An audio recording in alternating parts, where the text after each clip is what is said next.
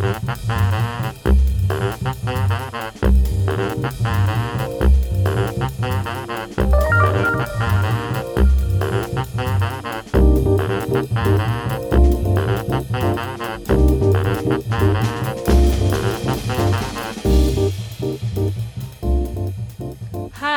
kembali lagi di Ebing Un. Eh, Bing, Oke.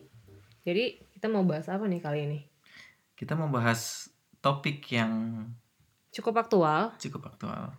tentang situasi spesial yang menjadi situasi yang normal karena adanya pandemi COVID-19 ini. Mm-mm. Apa tuh? Adalah WFH. WFH. Apaan tuh WFH? eh, Waktu Fafa. waktu wilayah harat. cukup cukup cukup. WFH. WFH adalah suatu eh, Singkatan. singkatan yang lately sangat tren disebut orang-orang. Mm-mm. Nah, awalnya gue juga bingung apa sih WFH kan gitu kan. Itu soalnya em, kayaknya istilahnya mungkin nggak umum di semua daerah ya. Mm. Mungkin itu lebih populer di Indonesia, di Singapura dan sekitarnya WFH. Mhm. WFH adalah working from home. Mhm. Ya. Ya, kalau di Jerman sendiri sih nggak semua orang bilang working from home, ada yang bilang working remotely. remotely. Heeh, Yang padahal esensinya sebenarnya sama sebenarnya. sama. Mm-mm. Tapi working remotely itu nggak di necessarily rumah. di rumah gitu ya. Ah, ah, benar. Benar-benar. Bisa dari Karena- working from cafe. Biasanya teman-teman yang freelancer, nah Mhm. itu mereka sebenarnya udah menerapkan working remotely sebelumnya Hmm, setuju. gitu. Setuju, setuju.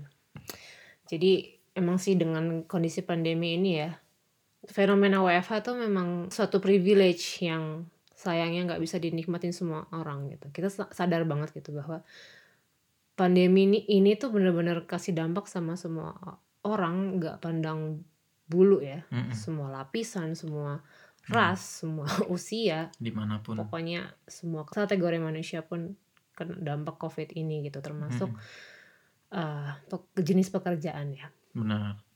gitu gue siang ini tadi lihat Instagram tiba-tiba lihat Instagramnya begitu mewah dia upload Mm-mm. eh, IG live dia bikin semacam puisi gitu yang menurut gue tuh bagus banget nohok banget gue nggak terlalu aware itu apakah puisi itu bikinan dia sendiri cuma itu isinya super duper bagus banget gitu. intinya dia bilang bahwa di situasi pandemi ini itu we are not in the same boat gitu might be under the same storm but we're not in the same boat Mm-mm. jadi storm itu adalah analogi pandemi ini, sedangkan situasi kita masing-masing itu uh, dianalogikan dengan boat, dengan kapalnya. Hmm. Ada yang kapalnya rusak, ada yang kapalnya baik-baik aja, ada yang kapalnya terbuat dari kayu, ada yang terbuat dari baja. Semuanya beda-beda ya. Mm-mm.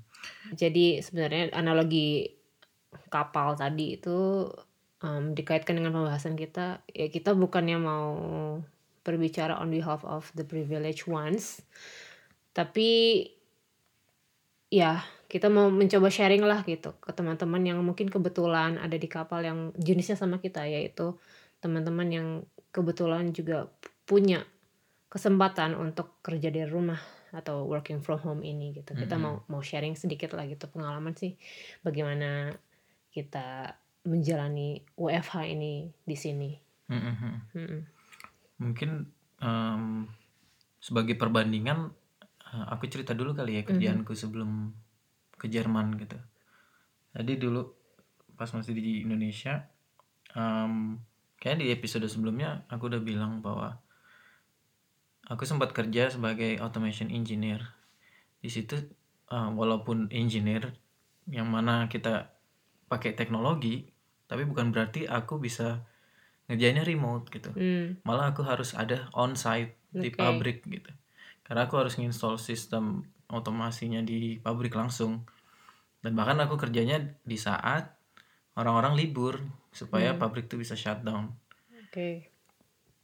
saat di sana ya kalau bisa bayangin kalau tiba-tiba ada pandemi kayak gini ya uh, project nggak bisa jalan gitu karena pabrik nggak bisa dikerjain kita juga nggak boleh traveling Mhm.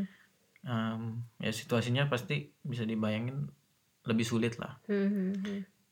Cuman aku nggak tahu ya kalau kayak eh, mungkin situasi sekarang juga se- secara teknologi udah lebih bagus daripada waktu itu Eh, mungkin ya lebih bisa lah dicari celahnya Tapi itu kan jenis pekerjaan yang kamu bilang emang bener-bener udah nggak mungkin banget gitu ya untuk Mm-mm. bisa dikerjain secara remote gitu. Tapi menurut kamu ada nggak sih sebenarnya jenis pekerjaan yang sebenarnya bisa bisa dikerjain secara remote, Mm-mm. tapi emang hanya kulturnya aja gitu. Jadi kita tetap harus tetap traveling ke kantor untuk kerjain semua di kantor, untuk stay di kantor segala macam. sebenarnya ada banget sih kalau menurut aku ya kayak teman-teman yang kerja di dunia IT atau di dunia eh, desain sebenarnya kan eh, kerjaan kita tuh simply ya ada di laptop masing-masing gitu Hmm. mana dengan teknologi sekarang kita bisa meeting virtual kita bisa share screen satu sama lain bisa punya SharePoint jadi kita bisa sharing eh, dokumen kita satu sama lain masing-masing bisa edit file yang sama di satu titik gitu. Hal-hal kayak gitu mungkin sebenarnya bisa dikerjain remote tapi kalau di eh, Indonesia sendiri itu kan udah jadi budaya gitu bahwa orang mau dibilang kerja tuh kita berangkat ke kantor jadi kita mandi pagi siap-siap sarapan traveling jalan ke kantor sampai kantor ketemu teman-teman eh, kolega segala macam terus meeting harus ada di satu ruangan face to face gitu. Jadi emang kayak udah sebuah rutinitas ya. rutinitas. Kalau mungkin mungkin mau di trace back ke zaman dulu juga mungkin dari iklan-iklan segala macam tuh yang di portrait itu emang seperti itu ya fungsi keluarga. Bapak pagi-pagi sarapan bareng Nah, udah iya, udah rapi pakai kemeja terus cium istri cium anak cabut ke kantor gitu ntar ya. kayak si kaleng kongguan nggak pulang-pulang bapak MIA bang Toyib dia itu. Toyib dia. Nah, mungkin ini sebenarnya yang kayak eh, budaya sih. Budaya tuh emang eh, lebih susah di, dirubah. Harus ada sesuatu yang memaksa gitu di Tapi- situasi. nggak tahu sih. Gue penasaran aja gitu. Di di Indo tuh umum gak sih WFH itu tuh sebenarnya? Kayak kalau sekarang sih udah mulai ya, ya terutama karena ada pandemi ini gitu. Kalau gue sendiri kan kebetulan dulu kerjaan emang jadi lawyer gitu ya. Yang kebetulan memang harus setiap hari ke kantor gitu. Bukan bukan berarti nggak bisa ngerjain kerjaan di laptop dan dibawa ke rumah karena sebenarnya gue dari lepas terlepas dari kantor pun di rumah di mana pun gue masih tetap bawa laptop Mhm. kerja gitu. Cuma banyaklah situasi yang merequire gue untuk tetap ada di kantor entah gitu ada signing sama klien atau harus ke bikin akta kan notaris segala macam atau bahkan untuk hal-hal sepele kayak misalnya gue harus riset atau enggak eh, ngerjain kerjaan yang gue butuh eh apa ya misalnya butuh lihat peraturan perundang-undangan yang cuma Hmm. ada di KH server kantor gitu yang gue nggak bisa akses dari selain dari kantor gitu jadi ya kalau hal-hal yang kayak gitu gitu yang yang bikin ada kendala gitu untuk Hmm. eh, full time kerja secara remote gitu Mhm. Mungkin ada satu kendala lagi yang em, yang lumayan momok yang menghalangi kita buat bisa kerja remote, apa tuh internet connection. hmm karena ini udah, udah requirements vital Mhm. kalau kita mau remote kita harus ada connection yang stabil Mhm. yang established bagus Iya. gitu kan stabil itu di Indonesia zaman itu maksudnya pas aku masih di kerja di sana eh, kebetulan internet yang di rumah itu memang nggak semumpuni yang emang kita Hmm. butuhin gitu walaupun aku sebenarnya udah langganan yang high speed iya ya tapi memang infrastrukturnya belum siap Iya gitu. sih, kalau diinget-inget dulu gue juga kayak gitu weekend, no weekend itu ada kerjaan gitu. Pasti nyarinya kafe sih. bener kafe itu apa nih yang yang yang internetnya stabil gitu. Nah, kalau di iya. rumah pasti tiba-tiba jebret, itu dia apalagi gone. apalagi dengan kita working from home pasti secara berkala kita harus meeting sama kolega sama bos gitu kan Hmm. nggak enak dong kalau tiba-tiba lagi masa-masa penting uh, connection putus Hmm. yang ada nanti malah kita tahu sendiri budaya di Indonesia ada rasa nggak enak ada rasa Ewuh, takut tokewuh. diomongin ya iya jadi akhirnya ah udahlah daripada gue putus-putus gue berangkat aja ke kantor make Hmm, sure meeting gue benar gitu Hmm. ya kayak kena banyak sih sebenarnya faktor-faktor yang menghalangi kita buat bisa remote Hmm. Nah, gue tuh kan kalau gue kan pengalaman kerja cuma ada di Indo doang nih gitu. Yang kebetulan ya situasi budaya kerjanya seperti itu gitu. Gue nggak bisa all the time kerja secara remote. Nah, sedangkan kamu kan kebetulan udah punya pengalaman kerja di Indo yang harus onsite terus dan sekarang punya kesempatan kerja di sini di Jerman yang Mm. kerja remote tuh umum banget gitu. Kamu bisa sharing nggak apa sih em, perbedaannya gimana sih? Kalau perbedaan sih jauh banget ya, karena em, mungkin bisa aku bisa cerita dikit kayak pertama kali tahu budaya remote gitu ya, maksudnya apa yang apa yang ada di Jerman sendiri gitu. Kayak waktu itu aku langsung dapat project, em, project pertama aku itu langsung kliennya di Amerika, jadi remote juga gitu. Nah di situ kayak berangkat ke kantor, di kantor pun remote gitu. Kayak Hmm. projectnya di Amrik. Em, sebenarnya nggak ketemu klien juga gitu. Hmm. Ya, ke kantor ya cuma sekedar em, ketemu teman, connect ke internet. Hmm. Sebenarnya internet di rumah pun juga di Jerman ya Stabil stabil, ya. gitu, bisa di bisa diandelin. Dan di awal-awal sih aku emang kayak masih masih kayak menyesuaikan nggak terlalu lama sih, cuman kayak langsung set, oh ternyata em, menarik gitu. Hmm. Bekerja remote tuh bukan berarti nggak efisien lagi, Hmm. itu malah aku bisa ngerasain itu jauh lebih efisien sebenarnya. Karena em, kita udah lebih bisa ngukur Hmm. jam yang akan kita pakai untuk kerja Hmm. itu akan dimulai dari titik misalkan jam 9 Hmm. sampai jam eh, 5 gitu ya. Hmm. Anggaplah 9 to 5. Kita udah pasti tahu gitu bahwa jam 9 sampai jam 5 Hmm. nanti ada meeting jam 2 sampai jam 3, nanti ada meeting jam 11 sampai jam 10 segala macam. Jadi kita bisa bisa lebih Ngukur prediksi, sendiri? Ha-ha, lebih bisa prediksi. Kita punya waktu 2 jam untuk nyiapin kerjaan sebelum meeting. Hmm. Jadi kita harus prepare dan pakai waktu slot itu seefisien mungkin. Kalau di compare sama apa yang ada di Indonesia, variabelnya banyak banget. Kayak kita udah berusaha bangun sepagi mungkin, berangkat se-early mungkin, Tahu lampu merah kena macet, mati. lampu merah mati, tahu-tahu lewat gang ada kawinan nutup gang. Nah, kita mesti puter balik. Angkot ngetem gitu. Angkot ngetem atau enggak lagi hujan, tiba-tiba hujan deras, terus lewat Pondok Indah banyak eh, ojek apa, Oh neduh, iya. nutupin jalan. Si skywalk skywalk. Skywalk. Nah, udah jadi macet tuh. Nah, gitu. Variabel-variabel ini yang sebenarnya Iya. bikin bikin Banyak surprise ya kalau di Uh-uh, Indo tuh kita ya. nggak sadar gitu bahwa itu tuh selama ini menghambat eh, efisiensi. Mhm. Tapi kamu pertama kali ya ngerasain WFH kaget nggak? Maksudnya eh, perlu proses adjustment tertentu nggak waktu itu? Kagetnya malah lebih ke kok kerjaan gue jauh lebih cepet Oke. gitu loh. Kayak oh gue udah punya maksudnya gue punya jatah waktu sekian jam Kamu pertama kali ngera- ngerasain WFH tuh sebelum kawin apa setelah kawin apa sebelum sebelum punya? kawin udah udah beberapa kali WFH Hmm. tapi nggak nggak se sebanyak sekarang Oke. Karena waktu itu cuma sekedar kayak Masih kroco ya? bukan masih kroco masih ngerasa nggak enak Oh. Ya, Kayak- masih ke bawah kultur Indonya Ah, gitu ya. kayak, kayak kok gue datang apa apa baru masuk kok langsung kayak Iya, iya. iya. remote remote gitu Ya, nggak paham, enak paham, gitu kan.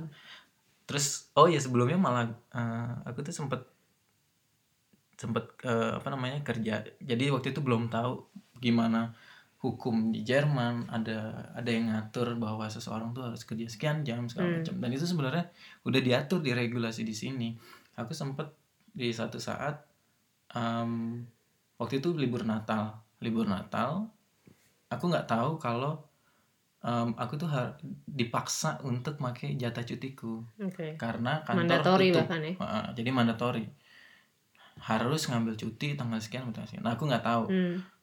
Waktu itu karena pertama kali aku kerja di eh, di perusahaan di sini. Ya udah aku eh, Natal simply nggak datang ke kantor aja Oke. karena aku pikir ngelihat eh, pengumuman gate ditutup orang nggak bisa masuk. Hmm. Ya udah aku nggak masuk. Terus begitu selesai tahun baru pas masuk ngelihat timesheet minusnya banyak Minus. minus karena di hari itu aku harusnya kerja Oh. tapi aku nggak ngambil cuti Atau juga kamu. dan kalaupun aku ambil cuti semua habis nggak cukup Iya iya iya. gitu jadi ya udah aku akhirnya mutusin ya udah oke kalau gitu eh, aku kerja tiap hari lewatin sekian jam lewatin sekian jam jadi Hmm. nggak 8 jam lagi Oke. 9 jam atau 10 jam Buat gitu. nutupin si nutupin si itu. gap ini ha. nah ada satu sa- saat ketika aku eh, kerja karena emang udah tinggal sekitar dua minggu lagi kontrakku habis Hmm. Aku habisin di situ lewatlah jamnya 11 jam Mhm. 11 jam besoknya aku masuk Dipanggil. langsung disamperin ke meja langsung sama bos nih kemarin kenapa kerjanya sekian lama gitu Hmm. Terus aku jelasin bahwa aku mau ngebalance jam ini oh iya gini gua kasih tahu kalau di Jerman itu lu nggak boleh kerja lebih dari 10 jam Serius tangkep ya. jadi kalau kerja kebanyakan salah di sini Oke gitu. oke. karena itu memang cara Malah jadi kayak ini apa eh violate hukum gitu ya. kalau hukum dan perusahaan bisa disu Hmm. karena dataku masuk ke Makanya si bos concern banget ya tuh. iya kalau enggak dia disalahin Iya iya. Jadi dataku tuh nggak cuma ada di perusahaan di Mm. sini, tapi masuk ke pihak yang ngurusin pajak Oke. gitu. Kelihatan di situ aku hari ini kerja sekian jam. Mhm. Nah, kelewat lah di situ, dimarahin. Bayangin dimarahin gara-gara kebanyakan kerja. Wah, Ah, ah. luar biasa. nah, di situ tuh aku udah mulai oh, di Jerman nih agak beda nih. Mhm. Makanya begitu ngelihat ada si working from home ini, Hmm.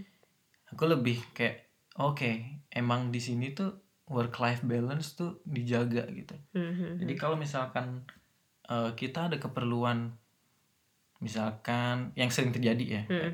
Misalkan ada temen gitu dia order mesin cuci, Mhm. ya udah dia tinggal ya.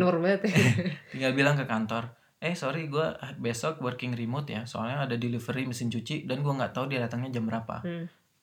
Itu It's, it's not a big deal gitu, acceptable tuh. acceptable banget. Nah, gitu. Ya udah begitu ngelihat eh, budaya di situ, ngelihat orang-orang di sini, terus ngelihat waktu itu aku belum berkeluarga juga, terus ngelihat Nah itu, misalkan aku menyaksikan kamu banyak working from home ini kan sejak punya anak ya. Jadi aku ngeliatnya kamu tuh bisa dulu tuh WFH tuh selalu punya valid reasons gitu untuk bisa. WFH. Jadi karena anak, karena anak, karena anak gitu. Tapi bayangin orang-orang yang single gitu, yang belum punya berkeluarga tuh dia mereka punya alasan apa ya untuk WFH itu. gitu. salah satunya itu kayak misalkan ada teknisi datang ke rumah teknisi pun juga kerjanya kan 9 to 5 Hmm. dia nggak mungkin disuruh datang jam 8 malam pas kita udah pulang ke rumah Mhm. gitu beda kayak kalau di Indonesia Mhm. kita nelpon tukang Hmm. tinggal datang eh lu datang hari Minggu ya gitu pas gue di rumah itu Mhm. biasa di Indonesia tapi kalau di sini enggak karena hari Minggu nggak boleh ada yang kerja Hmm. gitu makanya work life balance ini di dijaga supaya semua orang tuh bisa sefleksibel mungkin Mhm. tinggal gimana kita responsibel sama uh, tanggung jawab kerjaan Mhm. misalkan kayak aku juga pernah kan waktu itu uh, misalkan aku mutusin nih mau ada tanggal merah Hmm. itu hari Selasa gitu Hmm. misalkan ya udah em, aku tinggal bilang hari Seninnya eh, gua nggak kerja ya gitu Hmm. gua kerjanya hari Selasa aja karena gue ada trip misalkan jalan-jalan hari Jumat sampai hari Senin Hmm.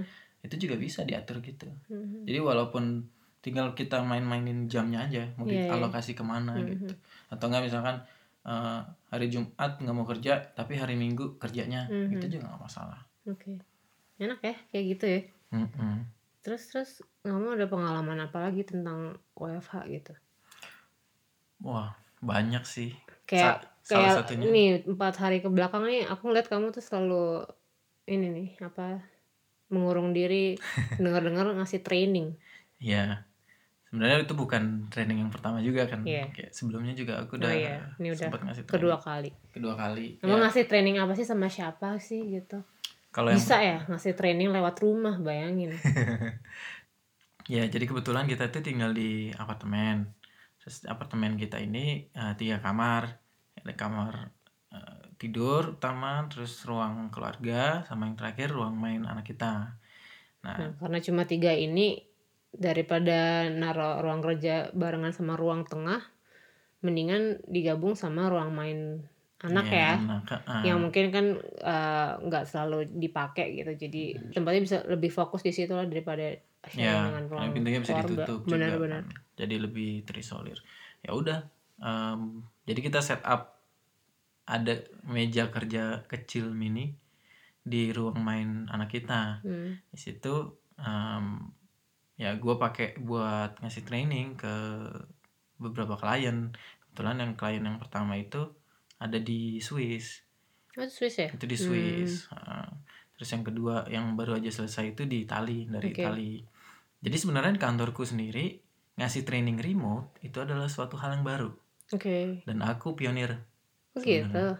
belum pernah ada Nah, ya. selama ini kolega selama kamu ini kalau ngasih training onsite oh, on jadi kita harus traveling ke situ Oke. karena yang Swiss eh, yang Swiss itu sebenarnya kan planningnya aku traveling ke situ Oh iya, ingat ya kamu, kamu pernah bilang kita aku aku masih ke Swiss nih itu. Heeh. Hmm, hmm, hmm. itu sebenarnya harus ke sana Mm-mm. tapi karena situasi pandemi kayak gini ya udah kita berkreasi aja bahwa ya udah kita coba nih tes uh, camel training. Ah, aku jadi tumbalnya. Jadi ini pilot project. pilot project. Nah terus si training uh, remote ini harusnya dua hari. Hmm, jadi kontraknya itu dua hari training satu harinya 8 jam. Hmm, hmm. Nah, karena remote dan kita mau berusaha seefisien mungkin supaya orang nggak ngantuk atau capek Hmm, ya kita bagi dua jadi empat Hmm. jam hmm, per hari jadi empat hari. Hmm, nah si uh, ya si training ini karena uji coba ya di awal-awal aku lumayan struggling kan kamu lihat sendiri hmm, aku sampai uh, mesti nyiapin materi segala macam hmm. uh, kejar-kejaran karena besoknya udah ada training lagi segala Mhm. macam tapi ya turns out trainingnya sih lumayan sukses karena Hmm, ternyata mereka sangat puas hasilnya dengan Mhm. apa yang udah aku kasih training dan Dan efektif ya. efektif sangat efektif gitu Tom bayangin training kan artinya kan trans- transfer knowledge bayangin 4 jam sehari. 4 jam sehari 4 jam sehari kali 4 hari itu kan terus-terusan gitu. Kita Hmm. aja onsite aja ngantuk gitu. bener Ini depan laptop orang nangkep tuh ya. ternyata nangkep aku juga surprise dan em, ya manajerku sih bilang sebenarnya kayak ekspektasinya sih nggak terlalu tinggi di sini dia bilang Hmm. gitu karena remote dan mungkin secara interaksi nggak se efektif kalau onsite Hmm. tapi ternyata dari training itu sendiri mereka justru sangat interaktif karena mereka ngelihat kayak fokus nih di sini ngeliatin Eh, screen sharing gitu ya. screen sharing aku screen sharing aku juga eh, ngasih latihan ke Mhm. mereka ngasih task terus tasknya sendiri dari hari pertama sampai hari terakhir tuh eh, kesulitannya meningkat gitu Oke. jadi sesuai Dan dengan mereka bisa materi catch up dengan mereka itu. bisa catch up dan di akhir-akhir mereka bilang malah kayak sangat berterima kasih gitu kayak Oke. surprisingly kayak melihat bahwa hasilnya nih bagus nih kayak semua orang jadi bisa sekarang gitu Mhm. dan itu Mungkin ya kebayangin ya kalau training onsite gitu kan duduknya kan pasti diatur ya kayak seminar-seminar gitu. ya seminar gitu Terus dingin kali ya, terus habis itu belum lagi ada interupsi, ada coffee break segala Iya, macam gitu kan. Mungkin uh, Iya, situasinya in a way leb- jadi less uh, efisien, less less efektif gitu ya. Mm-mm. ya ya makanya maksudnya kayak semua orang di kantor juga eh, nggak nyangka gitu karena karena aku berhasil jalanin si training yang remote pertama kali itu Mm.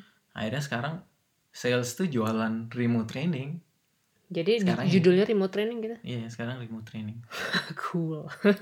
dan itu topiknya jadi beragam sekarang Hmm, hmm, hmm, hmm. gitu kayak banyak topik lain Terus terus ada pengalaman apa lagi nih? Kan, Oh, ada. kan ini klien kamu kayak macam-macam di ke mana kamu bilang klien kamu ada di Amrik. Oh iya benar. Sekarang sih masih ngerjain project di Amrik ya. Jadi kemarin sempat beberapa bulan ngerjain uh, project di Amrik di Utah. Ada berapa jam kamu?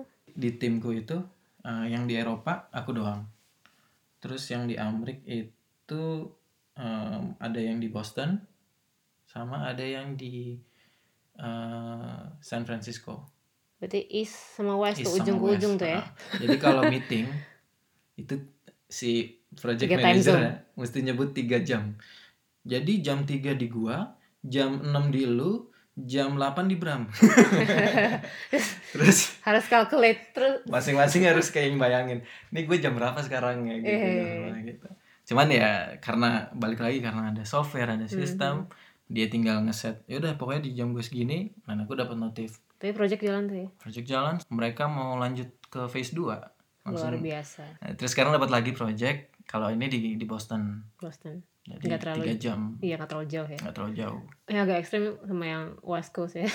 lumayan jam aku kan punya daily stand up meeting jam 8 jam 9 malam kan Mhm. makanya Hmm. karena supaya ya supaya semua orang bisa call gitu Sama aku inget nih eh, waktu kita traveling ke Indo setahun dan dua tahun lalu. Mm-mm. Ini Bram bawa kerjaan loh, bayangin. bawa device bawa device. bawa talenan oh iya, monitor bener bener.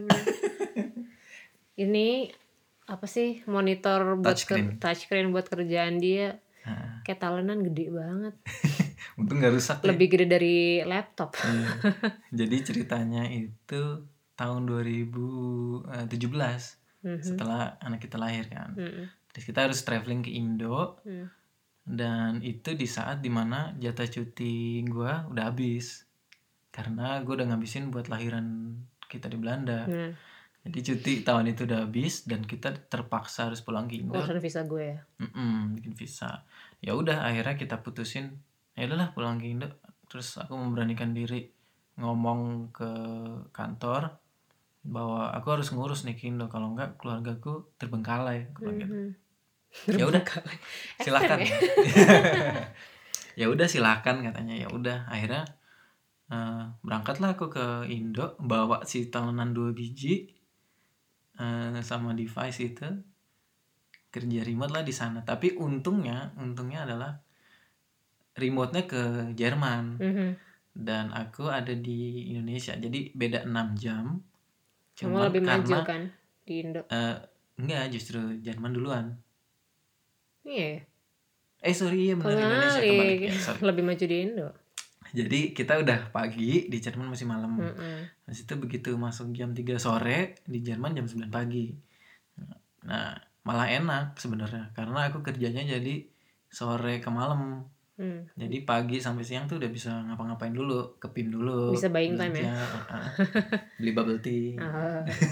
Iya iya iya iya iya. Habis itu baru kerja. Kamu sama anak kita bisa tidur. Iya iya iya. Iya, iya. Terus nah ini yang tadi aku sebut Hmm. ada satu momen di mana internetnya nggak mumpuni Itu kita lagi di PIM ya? Indonesia. Kita di PIM. Waktu itu lagi di PIM, aku mengandalkan internet HP dengan harapan lebih stabil daripada kalau di cafe kan. Mhm. Punya langganan sih unlimited. Bilangnya full speed. Taunya putus-putus dan waktu itu aku aku kan kebetulan lead dari projectku. Hmm. Jadi aku harus mimpin rapat, Hmm. harus bayangin Rapat. mimpin mimpin meeting, mimpin rapat. Kesannya Klasik beda ya nih. rapat dan meeting. Nah, Jadi aku harus meeting yang mana itu setiap hari. Timku waktu itu lagi padat-padatnya, Hmm. ada sekitar 8 orang. Hmm. Dan itu itu itu pun semua nggak di Jerman sebenarnya. Ada yang di eh, mana Spanyol, ada yang di Ceko, ada yang di Jerman, sama dua di Swedia. Hmm. Jadi di Eropa sendiri nggak satu titik Hmm. dan aku di Indonesia waktu itu. Hmm. Hmm. Nah, karena aku harus ngelit uh, Hmm. meeting ini, ya mau nggak mau koneksi harus stabil. Ya Hmm. udah akhirnya aku pakai telepon. Jadi pakai hotline ke Zoom. Waktu itu aku udah pakai Zoom. Oh wow. Jadi Bayang dua tahun lalu udah pakai Zoom ya? Udah 2017. Luar biasa bapak ini. Waktu itu aku udah pakai Zoom dan Zoom kan punya hotline call gitu. Kalau Hmm. kalau nggak bisa internet, bisa telepon ke situ, register sama ID kita, Hmm. masukin meeting ID, kita bisa pakai telepon. Oke. Jadi nggak harus internet. Hmm. Cuman kendalanya Indonesia nggak punya tuh si hotline ini di Hmm. Zoom. Hmm. Jadi ya udah aku nelpon ke interlokal Jerman. Apa ya? Begitu pulang ke Jerman didatengin lah sama si bos nih. Tagihan Sama si meledak. ngurusin kos. Eh Bram, ini kok tiba-tiba tagihan telepon 500 euro gitu kan. Dan 500 euro. Berapa tuh? Berapa rupiah? Emang? 7 78 juta ya. Begitu dicek, oh iya ini kalau di PIM Perkara mau makan sushi tei di PIM kan. Aduh. Tapi dia ada call padahal cuma sejam loh. Iya sejam ya. 8 juta. Edan. Gitu. Ya udah alhamdulillahnya sih. Ya, Ya, udahlah. akhirnya pelajaran Heeh, ya. kata dia. Ya udah nanti gue cariin Next duitnya dari mana. Tapi jangan diulangin ya gitu. comot-comot dari Iya, Post cuman, line. cuman sama dia langsung di ini jangan diulang jangan diulangin iya. Lagi gitu. Ya seru sih. Tapi ini sih ya gue sebagai istrinya Bram ya ini mungkin bias ya cuma gue sering kok uh, kritik dia ngata-ngata ini sering banget gitu. Cuma untuk particularly perkara WFH ini gue cukup look up banget ke dia gitu. Karena gue sendiri kagum gitu maksudnya gue pernah gitu kerja jadi profesional gitu. Dan bayangin ya gue aja dulu yang kerja selalu ke kantor kerja di kubikel aja tuh gue nggak bisa loh eh, yang namanya terus-terusan 100% fokus gitu pasti ada distraction pasti ada masanya kayak demo demotivasi segala macam gitu. Tapi gue ngeliat Bram nih ya di rumah bayangin dibilang juga working stationnya dibilang mumpuni juga nggak mumpuni mumpuni amat gitu lo bayangin kalau ngasih training untung training nggak pakai video ya iya. Coba kalau bayangin tuh klien nyalain video ngeliat backgroundnya Bram itu mainannya anak gue di mana-mana. Kasur Boneka. pink segala macam kan bayangin loh nggak mumpuni kan gitu. Tapi dia bisa selalu bisa deliver kerjaan dengan maksimal gitu. Hmm. bahkan kadang-kadang tuh ya anak gue tuh eh gue udah bilang ya anak gue tuh aktif banget ya. Bahkan dia tuh anaknya selalu ingin terlibat gitu. Hmm. jadi bisa banget yang namanya si Bram tuh sambil kerja sebelah kanan tangannya ngeladenin si anak gue yang demanding super itu. Di- terus gue dari kejauhan marah-marah soal dapur berantakan segala macam tapi dia tetap bisa fokus sama kerjaannya. Itu sesuatu yang luar biasa sih menurut gue. Belum tentu gue bisa uh, melakukan hal yang sama gitu. Jadi ya again ini bukan bragging ya bukan tapi ini sharing gitu. Bang. Bram tuh dia dia nggak dari awal terbiasa dengan WFH gitu Hmm. dia pernah ada di posisi di mana harus bekerja onsite bahkan di pabrik ya Hmm. di pelosok pula kan di pelosok sekarang dia punya privilege untuk kerja secara remote dan dia punya perbandingan lah gitu dan dia bisa adjust itu semua gitu Hmm. dan buat teman-teman gitu eh, yang mungkin mengalami kendala eh, di WFH yakin pasti akan ketemu kliknya ya? Pasti bisa pasti bisa. Asal itu memang itu suatu proses ya? Butuh proses. Butuh proses untuk bisa adjust untuk bisa menyesuaikan semuanya gitu ya? Hmm. kamu ada tips nggak kira-kira? Maksudnya untuk bisa achieve effectiveness efficiency dengan kerja remote gimana caranya gitu? Lebih ke planning yang lebih baik sih. Jadi mungkin bedanya kalau kita duduk di kantor gitu ya kita lebih gampang fokus gitu bahwa ya udah kita punya space kita sendiri kita bisa kerja fokus sendiri gitu. Cuman kalau untuk working from home ya kayak kamu tahu sendiri aku kadang call uh, meeting sama uh, klien sama strategic meeting bahkan aku bisa tiduran di dalam kamar kan kayak nggak harus di meja kerja gitu. Nah hal-hal kayak gitu tuh kita jangan dibawa stres. Maksudnya bawa enjoy aja. Ya, nikmatin aja gitu bisa meeting sambil tiduran atau bisa sambil uh, pakai celana pendek gitu. Ya hal-hal kayak gitu yang bikin uh, kita lebih positif gitu bahwa kita gimana bisa nyari uh, nyamannya aja sih. Sama tahu uh, planning ke depannya bahwa misalkan kita tahu nih jadwal hari ini jam jam jam 9 misalkan sampai jam 10 udah ada meeting gitu. Hmm. ya udah kita kita bisa nyiapin uh, meetingnya karena itu meeting terlalu pagi. Mungkin disiapin kemarinnya. Hmm. jadi kita nggak kaget kayak wah jam 9 udah harus ini gitu. Jadi lebih planning terus misalkan kita tahu jam 2 s- siang sampai jam 3 tuh harus uh, makan siang sama anak. Ya udah kita targetin sebelum jam 2 uh, kita udah harus nyelesain kerjaan apa aja. Hmm. gitu. Jadi lebih efisien dalam menggunakan waktu. Terus mungkin em, lebih ke apa ya ini tips dari dari kantor sih sebenarnya. Hmm. ada juga yang bilang bahwa mungkin kalau orang kesulitan untuk um, working from home coba bayangin uh, kita tuh lagi berangkat ke kantor gitu misalnya kita udah biasa kerja di kantor ya udah kita bayangin kita lagi berangkat kantor mungkin harus uh, mandi dulu pagi Hmm. terus pakai baju pergi juga gitu Pokoknya nyesuaiin aja sama personal preference yang bikin Uh-uh. biar bisa bikin kita sendiri nyaman sama iya diri kita sendiri gitu ya. benar karena aku kebetulan aku bukan tipe yang um, ya aku harus ke kantor gitu aku harus uh, siap-siap yang kayak harus pakai baju rapi atau Hmm. apa gitu. Aku emang udah terbiasa santai gitu kan kamu tahu sendiri. Hmm. jadi ya udah aku mau pakai kaos atau pakai celana pendek aku nyamannya kayak gitu ya udah kita jalanin apa yang kita nyaman aja. Hmm, hmm, jadi kita kitanya lebih positif dalam menjalankan tugas gitu. Hmm, hmm, hmm. efisiensi sih efisiensi itu kunci paling penting.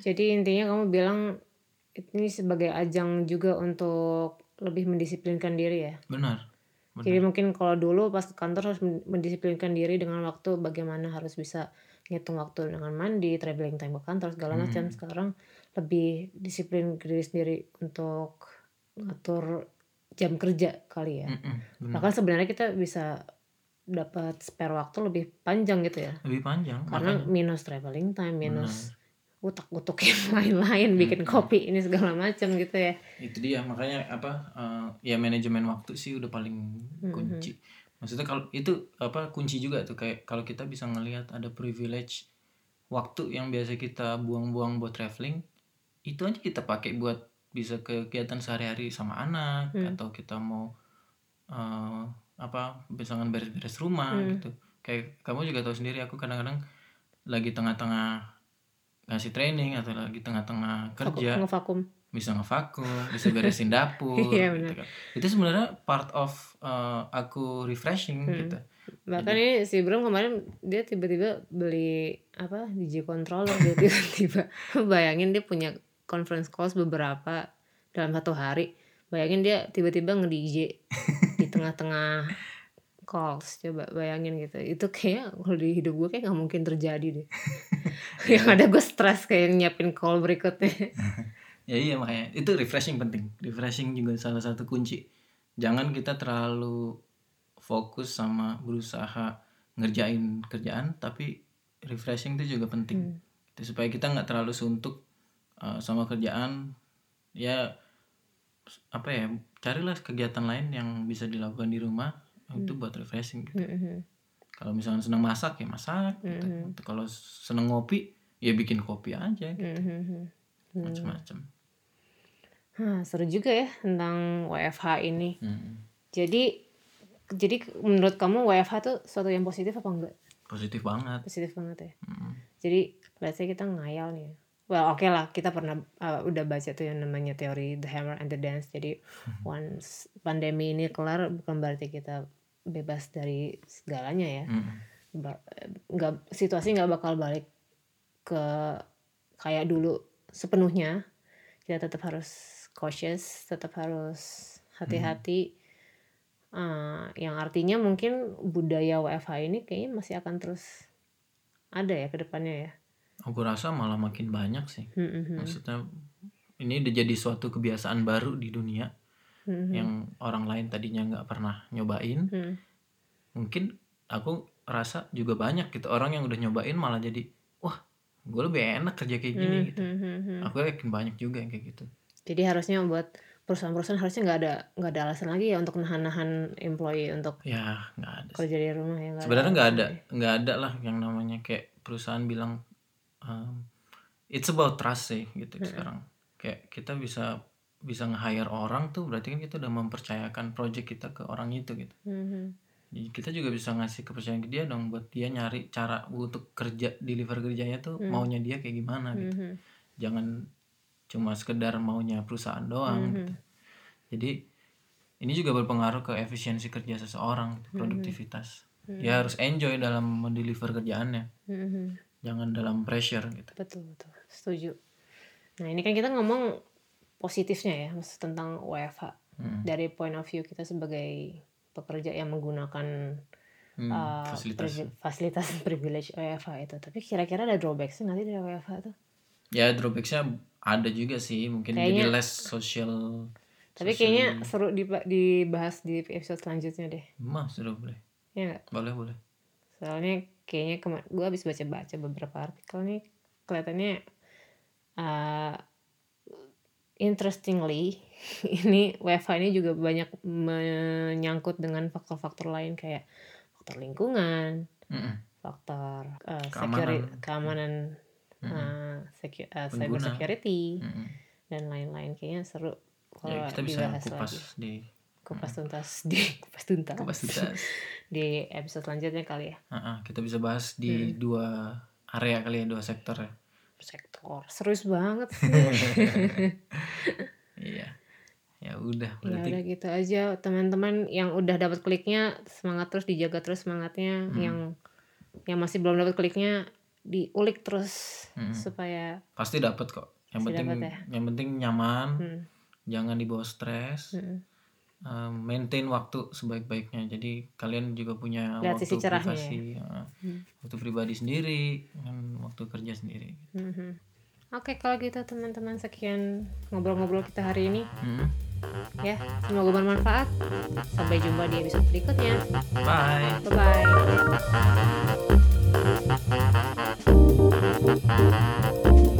bye